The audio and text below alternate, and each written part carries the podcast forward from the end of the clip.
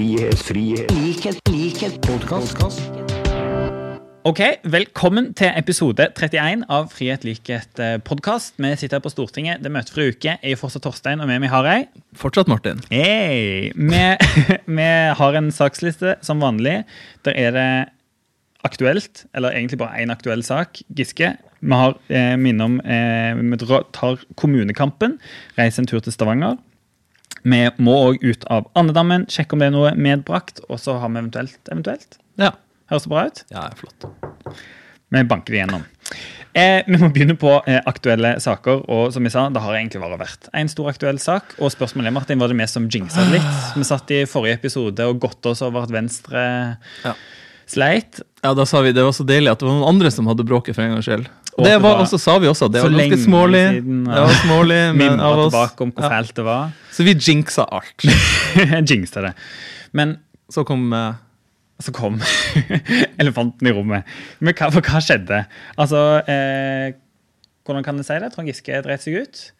Han eh, prøvde å komme tilbake, hadde egentlig ikke den tilliten han eh, spurte om. Viste vel egentlig med en videosnutt at han ikke hadde lært så mye som han hadde snakka om. Så Martin, var det litt for tidlig? Ja, det man kan si at han Trond Giske hadde litt tidlig nominasjonsavgang. På, inn i fylkesstyret i Sør-Trøndelag Arbeiderparti skulle han jo. Men eh, han sa jo sjøl at det var en feiltagelse å ha vært på den baren og, og stilt opp på, på selfies og sånn. Og selve videoen, når jeg så den, tenkte jeg det er liksom var ganske uskyldig. Eh, men det er klart, når du eh, Altså, når partiet har behandla alle varselsakene og måtte gå av som nestleder, så tar det tid å bygge opp igjen tillit. Og for veldig mange så var det tydeligvis eh, for tidlig. Det handler om tillit, og han dreit seg ut. Men sant, nå sitter vi her, og vi mener jo på en måte mye om den saken som har vært. Men det som jeg synes er et litt sånn interessant spørsmål, er hvorfor sa vi det da til media? Ja, hvorfor sprang ikke alle Ap-representantene til media altså akkurat det man mente? på Noen gjorde det, men Noen ikke, det. ikke alle. Da hadde det vært enda lenger, eh, kø. For det, er jo ikke, det, det sto jo heller ikke på tilbud. I hvert fall jeg ble nedringt, sikkert du òg, av journalister som lurte på hva vi mente om dette, og som ville ha en kommentar. Ja. på en måte på, altså for, ja, Det er stor interesse, for å si det sånn. da. Altså det ene er at jeg tror det er veldig mange, meg inkludert, som syns det er litt vanskelig å snakke om det, fordi at det handler om noe man kjenner. eh, og også fordi at sant, det er betente saker. Det er veldig lett å trø feil. Nyansert. Altså, jeg tror kanskje til og med VG lærte en liten lekse på det. De lærte en liten lekse og kjørte en sak de ikke burde ha kjørt. Det tok jo Hanne Skartveit uh, Selvkritikk. selvkritikk på. Det er det ene. Men det andre er jo at i den der type saker så er det jo veldig viktig at partiet har ei linje. Uh, Og at de som har ansvar for å håndtere det, håndtere det. på en måte. Ja, altså Man kan mene mye om både seksuelle retning, eh, retningslinjer for seksuell trakassering og hvordan parti- partiet burde håndtere sånne saker, men her, når det gjelder eh, Giske, så var det jo en sak som egentlig er avslutta i partiet. Det Sentralstyret har sagt hvordan det skal håndteres. og klart Hvis vi alle springer til media med hver vår mening om den type saker, så blir det jo veldig uklart hva Arbeiderpartiet egentlig mener og har som eh, jeg vi har som politikk på den type saker, men der har man jo konkludert. Man har, eh, har retningslinjer på det. Og så er det noen som kanskje mener at det er fake. Nei, ikke for det, for, for meg, det, det står ikke på, egentlig på viljen eller det at jeg ikke mener noe om det. Men jeg som stortingsrepresentant, og det er ikke, det er ikke min rolle å egentlig håndtere denne saken. Det er det sentralstyret, partiledelsen, liksom, som skal håndtere tingene, og ikke minst liksom mene, mene noe. Og da tenker jeg det egentlig i hvert fall Det som er grunnen til at jeg ikke springer ut og mener noe, mm. hvert fall er at det er viktig at de som har fått den tilliten og skal håndtere det, har det ansvaret, er de som får, eh, får gjøre det òg. Ja, så synes jeg det er litt viktig å skille mellom at det er, en enkeltsak. Skille mellom det og den større debatten om metoo. Mm. Uh, og der burde vi jo alle delta uh, og har en stemme. Mm. Hvordan skal man eh, oppføre seg, hva er greit? Eh, hvordan påvirkning har hele metoo-debatten på eh, liksom, eh, organisasjonskulturer, både i partier, i idrett, i kulturliv osv.? Mm. Eh, den Også- debatten mener jeg er viktig at man tar, men enkeltsaker eh, der er det liksom, jeg mener der er det litt vanskeligere for alle og, og enhver å delta og hive seg inn med liksom, sine enkeltmeninger når man heller ikke nødvendigvis har oversikt over hele saken. Mm. Nei, Det er derfor jeg synes på en måte både liksom provoserende og veldig feil da, når f.eks. Fredrik Solvang i NRK kaller alle damene i Arbeiderpartiet feige fordi de ikke stiller i akkurat hans debatt og har lyst til å debattere i den settingen som NRK mm. gjorde det der. For det handler jo egentlig ikke da om vilje, sånn som jeg ser det, men det der at det, sånne litt så vanskelig komplekse saker må på en måte håndteres av de med det Eh, ansvaret. og Da er det de som må gjøre de vurderingene, og ikke minst da være de som uttaler seg. For Det er jo ikke sånn at det er flere som kan uttale seg, og de syns jeg har gjort det og, og på, en, på, en, veldig god måte, men det blir jo helt kaos hvis alle skal gjøre det. Og Det som er interessant, synes jeg, også, er jo at sånn er det i alle partier. Det er lett å liksom, Mange mener jo at Arbeiderpartiet er veldig sånn partipisk, men sånn, se på Høyre og Frp, da, som òg har hatt eh, lignende saker, sant, med Tonning Riise som var ordstyrer på på et fylkesårsmøte. Da er det de som på en måte har ansvar for de sakene som har uttalt seg om de, ikke sant? Altså Om det er Unge Høyre-lederen, om det er liksom lederen i Innlandet Høyre, er det vel, på en måte. ikke sant? Mm. Eh, og det er viktig at det er de som gjør det når det gjøres. Det er klart det er et dilemma. For som partimedlem så vil du jo også si fra hvis du mener at det pågår noe, en prosess eller noe du mener er ugreit. Og det har jeg veldig stor forståelse for at, uh, for at folk gjør.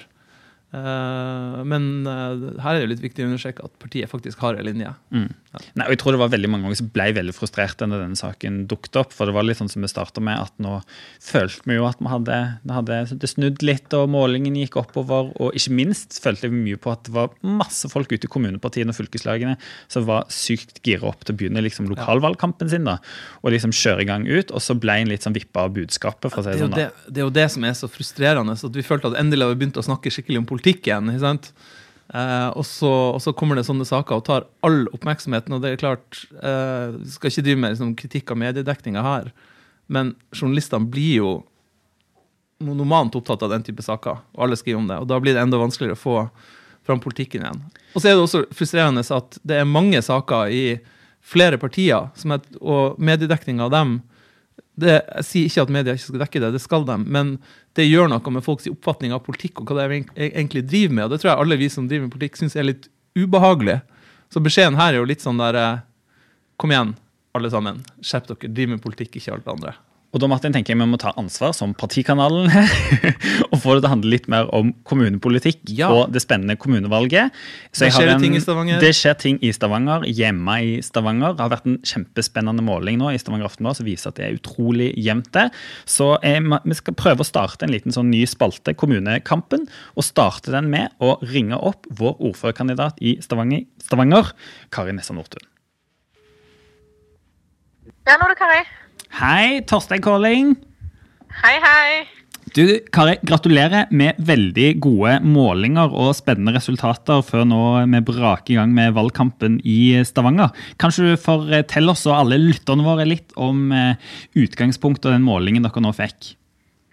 Ja, på den målingen som ble gjort av eh, Stavanger Aftenblad, eh, og oppdrag ble gjort av Responsanalyse, så viser det at Stavanger øh, ville fått, Arbeiderpartiet ville fått 28,7% og det er opp 2,2 fra valget i 2015.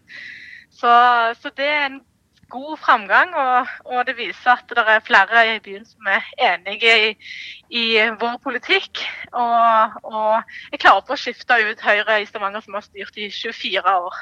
Ja, altså Jeg er jo over middels interessert på hva som skjer i Stavanger. og Det er jo utrolig spennende da, at den, det nå er dødt løp mellom rød og blå blokk i Stavanger. At vi har sjanse til å vinne valget. Og så syns jeg også det er litt spennende å se da, at uh, alle partiene på venstresida går fram på denne målingen, og at det er blå blokk så, sliter litt. Så du har tro på at det kan bli skifte i Stavanger? altså? Ja, jeg har tro, og vi, vi, vi må jobbe på det. Det kommer til å bli bli eh, mye arbeid framover. Vi må bli enda flinkere på å være synlige. Eh, oss som står på lista, som har blitt en utrolig bra liste som stiller til kommunestyret og for Arbeiderpartiet, og, og meg mye framover må bli enda synligere og enda mer løsning på hva som er, hva som er vår politikk. Ja, hva er det som er de store sakene som diskuteres i Stavanger-politikken nå? Hva tror du kommer til å dominere valgkampen? Vi ser eh, Det er flere saker som, som, viser seg, men spesielt dette med skole. Eh, at vi får eh, flere, eh, flere privatskoler i Stavanger. Både religiøse og i forhold til med, med annen type pedagogikk, og hvor det gjerne er er engelskspråklige osv., blir det enda mer av nå. Eh, og det syns vi er med på å skape et A- og B-lag i byen, og svekker da òg fellesskolen. Så det, det, kommer til å være en av de viktige sakene. Så har jo også sett at dere har vært eh, veldig opptatt av å snakke mye om den økende barnefattigdommen som har vært. At det har blitt litt sånn økte forskjeller mellom folk i Stavanger nå, kanskje spesielt eh, pga. de harde tidene som har vært i olja? Mm. Ja, vi er jo den byen i Norge hvor eh, eh lavinntektsfamiliene øker mest altså anta i antall. Uh, og det øker, altså øker, raskere enn i andre byene i Norge. Uh, og det har det gjort lenge, uh, siden 2011 begynte den utviklingen. Så etter å ha hatt gode år fram til da, så har det plutselig gått veldig feil fort feil, i feil retning. Du, tusen takk for at du avbrøt litt av vinterferien din, Kari, for å være med og snakke med oss. Utrolig spennende at det er så jevnt i Stavanger. Jeg gleder meg veldig til å komme hjem og drive valgkamp sammen med deg. Woo! God ferie! Takk, takk. Ha det. Ha det.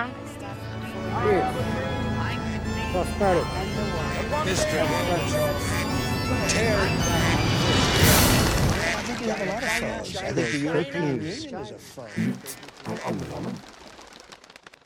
Ok, Martin. Fra Stavanger til Storbritannia. Uh, over dammen. over dammen eh, og ute av eh, andedammen. Og eh, vi må ta et lite stopp i Storbritannia eh, spesielt nå. Tenker du på Labour nå? Jeg tenker på, eh, på Labour. Altså Én ting er at det er totalt kaos på brexit. Eh, datoen ja. nærmer seg for når han på en måte skal melde seg ut. Og Theresa May og Jeremy Corbyn har et sånt enormt spesielt spill om hvem som skal vinne denne liksom, tautrekkingen trekkingen, og ja. alt blir liksom utsatt. Og nå har Corbyn åpna for ny avstemming om brexit.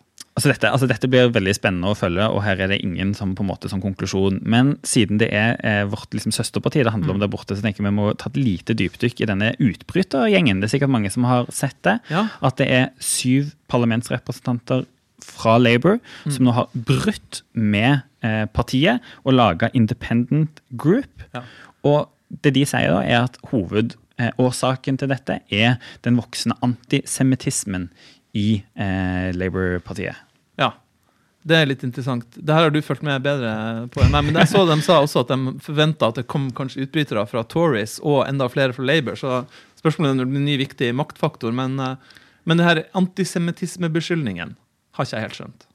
Nei, altså Det er eh, en debatt som egentlig har rast i Labour spesielt. da, mm siden Corbyn ble eh, leder. Og det, det, er mange meninger om på en måte hvor den eh, stammer fra. Du mener Han er uklar om ja, ikke sant? Det er litt uklart. på en måte. Altså, det er Mange som har meninger om hvor det stammer fra, men det handler om at de syns at Corbyn er utydelig på å slå ned på mm.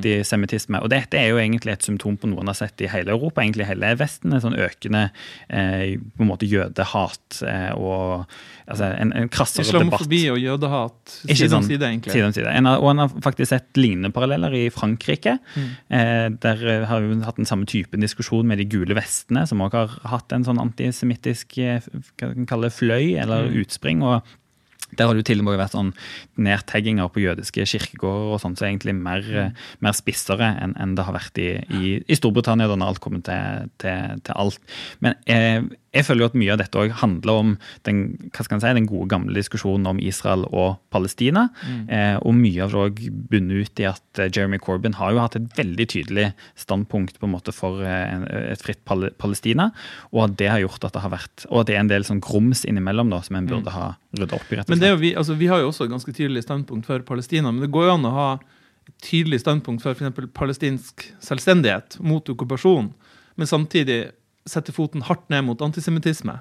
Ja, og det, og det er en av de tingene jeg lærte veldig tidlig som nytt AUF-medlem, forskjellen på antisemittisme og antisionisme. Mm. Sånn, antisemittisme er når du er mot jøder fordi de er jøder, rett og slett mot religionen, mens antisionisme er å være mot egentlig opprettelsen av staten Israel som en jødisk stat. Er du antisionist? Det er jo ikke jeg. Jeg er ikke imot at, vi, at staten Israel skal eksistere. Men jeg er uenig. Jeg er imot mye av myndighetene sin politikk. Ikke sant? Men det er, ja. altså, sånn, det er en forskjell, eh, viktig sånn, distinksjon da, ikke sant? på at du ikke du er ikke mot en religion, men på en måte du kan altså, jeg, for, eksempel, for, å si det, for å si det sånn, da når jeg vi hadde aksjoner i Stavanger for et fritt Palestina, så var det ganske massivt med sånn beskyldninger om Mm. at vi nå var eh, anti både semitter og sionister. De beskyldningene får man jo veldig ofte, men da er det desto viktigere at man er helt tydelig på å være mot jødehat og antisemittisme. Men det er altså i det her landskapet her om Corbyn har vært uklar, Det er akkurat det. mange. Her har han vært eh, uklar. Nå jobber han på en måte med å, å tydeliggjøre det. Men det som jeg syns er liksom interessant og litt viktig, er egentlig det vi, vi er inne på nå. Da, at en passer seg for at, mm. at en klarer å skille de to diskusjonene. At det fortsatt må være lovt og mulig å på en måte diskutere eh, og argumentere politisk liksom Israel-Palestina-spørsmålet og være tydelig og ha en tydelig linje på det, samtidig som, en, som du også sier, Martin, har en tydelig og klar linje på det voksne eh, jødehatet, som her- er kjempealvorlig. Men utfordringen som Labour har nå, da, med utbyttegruppa, har vel hvis vi si, grunnen og eh, dypere også, nemlig at det er mange som er, eller i hvert fall en del da, i Labour som er misfornøyd med Corbyns linje. Mener at han ikke lytter til dem, og de kan vi si, mer sentrumsorienterte. Ja, føler han- seg litt ekskludert, og at det her antisemittismebeskyldningen også henger sammen med at han kanskje tar litt for mye De føler at han tar for mye side med sine gamle venstresidevenner. Ikke sant? Når de sier ting som er uakseptabelt, så er det liksom fordi at de da er på venstrefløya alle sammen, så skal ikke han ta Helt ta riktig. han og så det, så det som blir spennende å følge med på videre, er jo det du sier, Martin, med at det kan være at det kommer noen Tory-utbrytere òg, som sånn sett i sitt parti mener det samme om Theresa May, da, at hun Mm. går for mye ut mot den ytre høyrefløyen sin. Og øh, Det kan være noen som sier til og med et brudd med hele det topartisystemet de har i Storbritannia. dette. sentrumsopprør. At det blir et sentrumsopprør. Men det, det blir rett og slett eh, spennende Jeg fikk en slags fysisk hostereaksjon på sentrumsopprøret. Det er gleden av at det ikke kommer til å være det siste gang vi snakker om Ja. brexit, Storbritannia og, eh, og, og Labour. Du, eh, har, noe, har du noe medbrakt eh, denne uken, Martin? Nei, men for å spille opp til deg, så lurer jeg veldig på hva, hva skal se på kino, Torstein. Ja, for det er i ukens medbrakt. tenkte jeg å bringe til torgs eh, at jeg har vært og sett en kino, som i seg selv jeg følte er litt stort. Men jeg har vært og sett Vice, Vice. den nye kinofilmen om Dick Cheney. Med Christian Bale i Ja, altså gamle, gode Batman, som gjør en helt fantastisk rolle som, som Dick, Dick Cheney. Det er en slags til han George Bush. Ikke sant? Det er en slags sånn mokumentar. Mm. Eh, altså, sant? Det, er en, det er jo ikke en dokumentar, men de har lagd en spillefilm ut av det de har hatt tilgjengelig av liksom, historisk material. På en veldig sånn, hemmelighetsfull altså, Han var ikke veldig i offentligheten. Han var visepresident og veldig sånn bakspiller da. Mm. Og styrte spilt, veldig mye av politikken styrte veldig mye av politikken, og det er det som er så spennende. Litt sånn mystisk skikkelse, egentlig. Så det er, altså Gå på kino og se dette, både fordi det er, det, den er sånn, passer, litt, sånn, passer litt morsom òg, eh, og beskriver egentlig litt sånn oppbyggingen eh, gjennom både 80- og 90-tallet i amerikansk politikk på en veldig sånn spennende, spennende måte. Irak-krigen, ISIS eh, Får man litt innblikk i liksom den republikanske playbook her på Ja, litt. Det er ikke, det er ikke så mye sånn nerdete på, på valgkamp, men veldig okay. spennende på mye av de utenrikspolitiske tingene. altså Diskusjoner om klimakamp. Men ikke òg det der faktisk på, på valgkamp, og hvordan de bruker fokusgrupper og, og klarer liksom å, å vinne, vinne over public opinion på det. da. Men det er, altså, okay. det er, han er litt morsom, og han, filmen er jo blitt kritisert for å være litt sånn eh, venstrevridd, kanskje. Og det kan være derfor jeg likte ham. At han, at han gjør litt, altså Var ikke noe sentrumsopprør på gang der. Nei, kanskje ikke. kanskje ikke. Men en, en veldig bra film, og, Bra og vel verd å se. Eventuelt der, altså neste uke, så Neste er det noe alle bør glede seg til, men som du gleder deg til noe helt enormt, Martin. Vi skal ha en temaepisode om EØS. Uh Utelukkende om EØS. Utelukkende. Altså, dette er noe du har drømt om eh, lenge, Henriksen. Ja, ja. Og det er ikke noe balansert episode. Det er nemlig, Vi skal prøve å snakke litt om det veldig mange har henvendt seg til oss om, faktisk. For vi har vært sånn toucha innom EØS i noen episoder. Men det mange egentlig spør om, det er eh, hvorfor er Arbeiderpartiet for EØS? Hva er liksom bakgrunnen for det? Så vi skal snakke om det. Hvorfor mener Arbeiderpartiet at eh, det er bra at vi har EØS-avtalen? Vi får litt eh, gjester. Mhm. Eh, Vi har spurt både Hadia Tajik om å komme innom og fortelle litt om Arbeiderpartiets standpunkt. Jonas Bals for å forklare litt om diskusjonen rundt arbeidsliv i fagbevegelsen og litt sånt. Og så, så jeg tror dette blir en skikkelig learncast. Altså, Ja, det er learncast. Bra er det Så hvis du er, hvis du er for EØS-avtalen, men lurer på hvorfor, så kan du høre på det. Eller lurer på diskusjonen. Den kommer i hvert fall neste uke. Jeg Yep. tror det kan bli gøy og ganske lærerikt. Så gled dere. Flotters. Takk for i dag. Takk for det.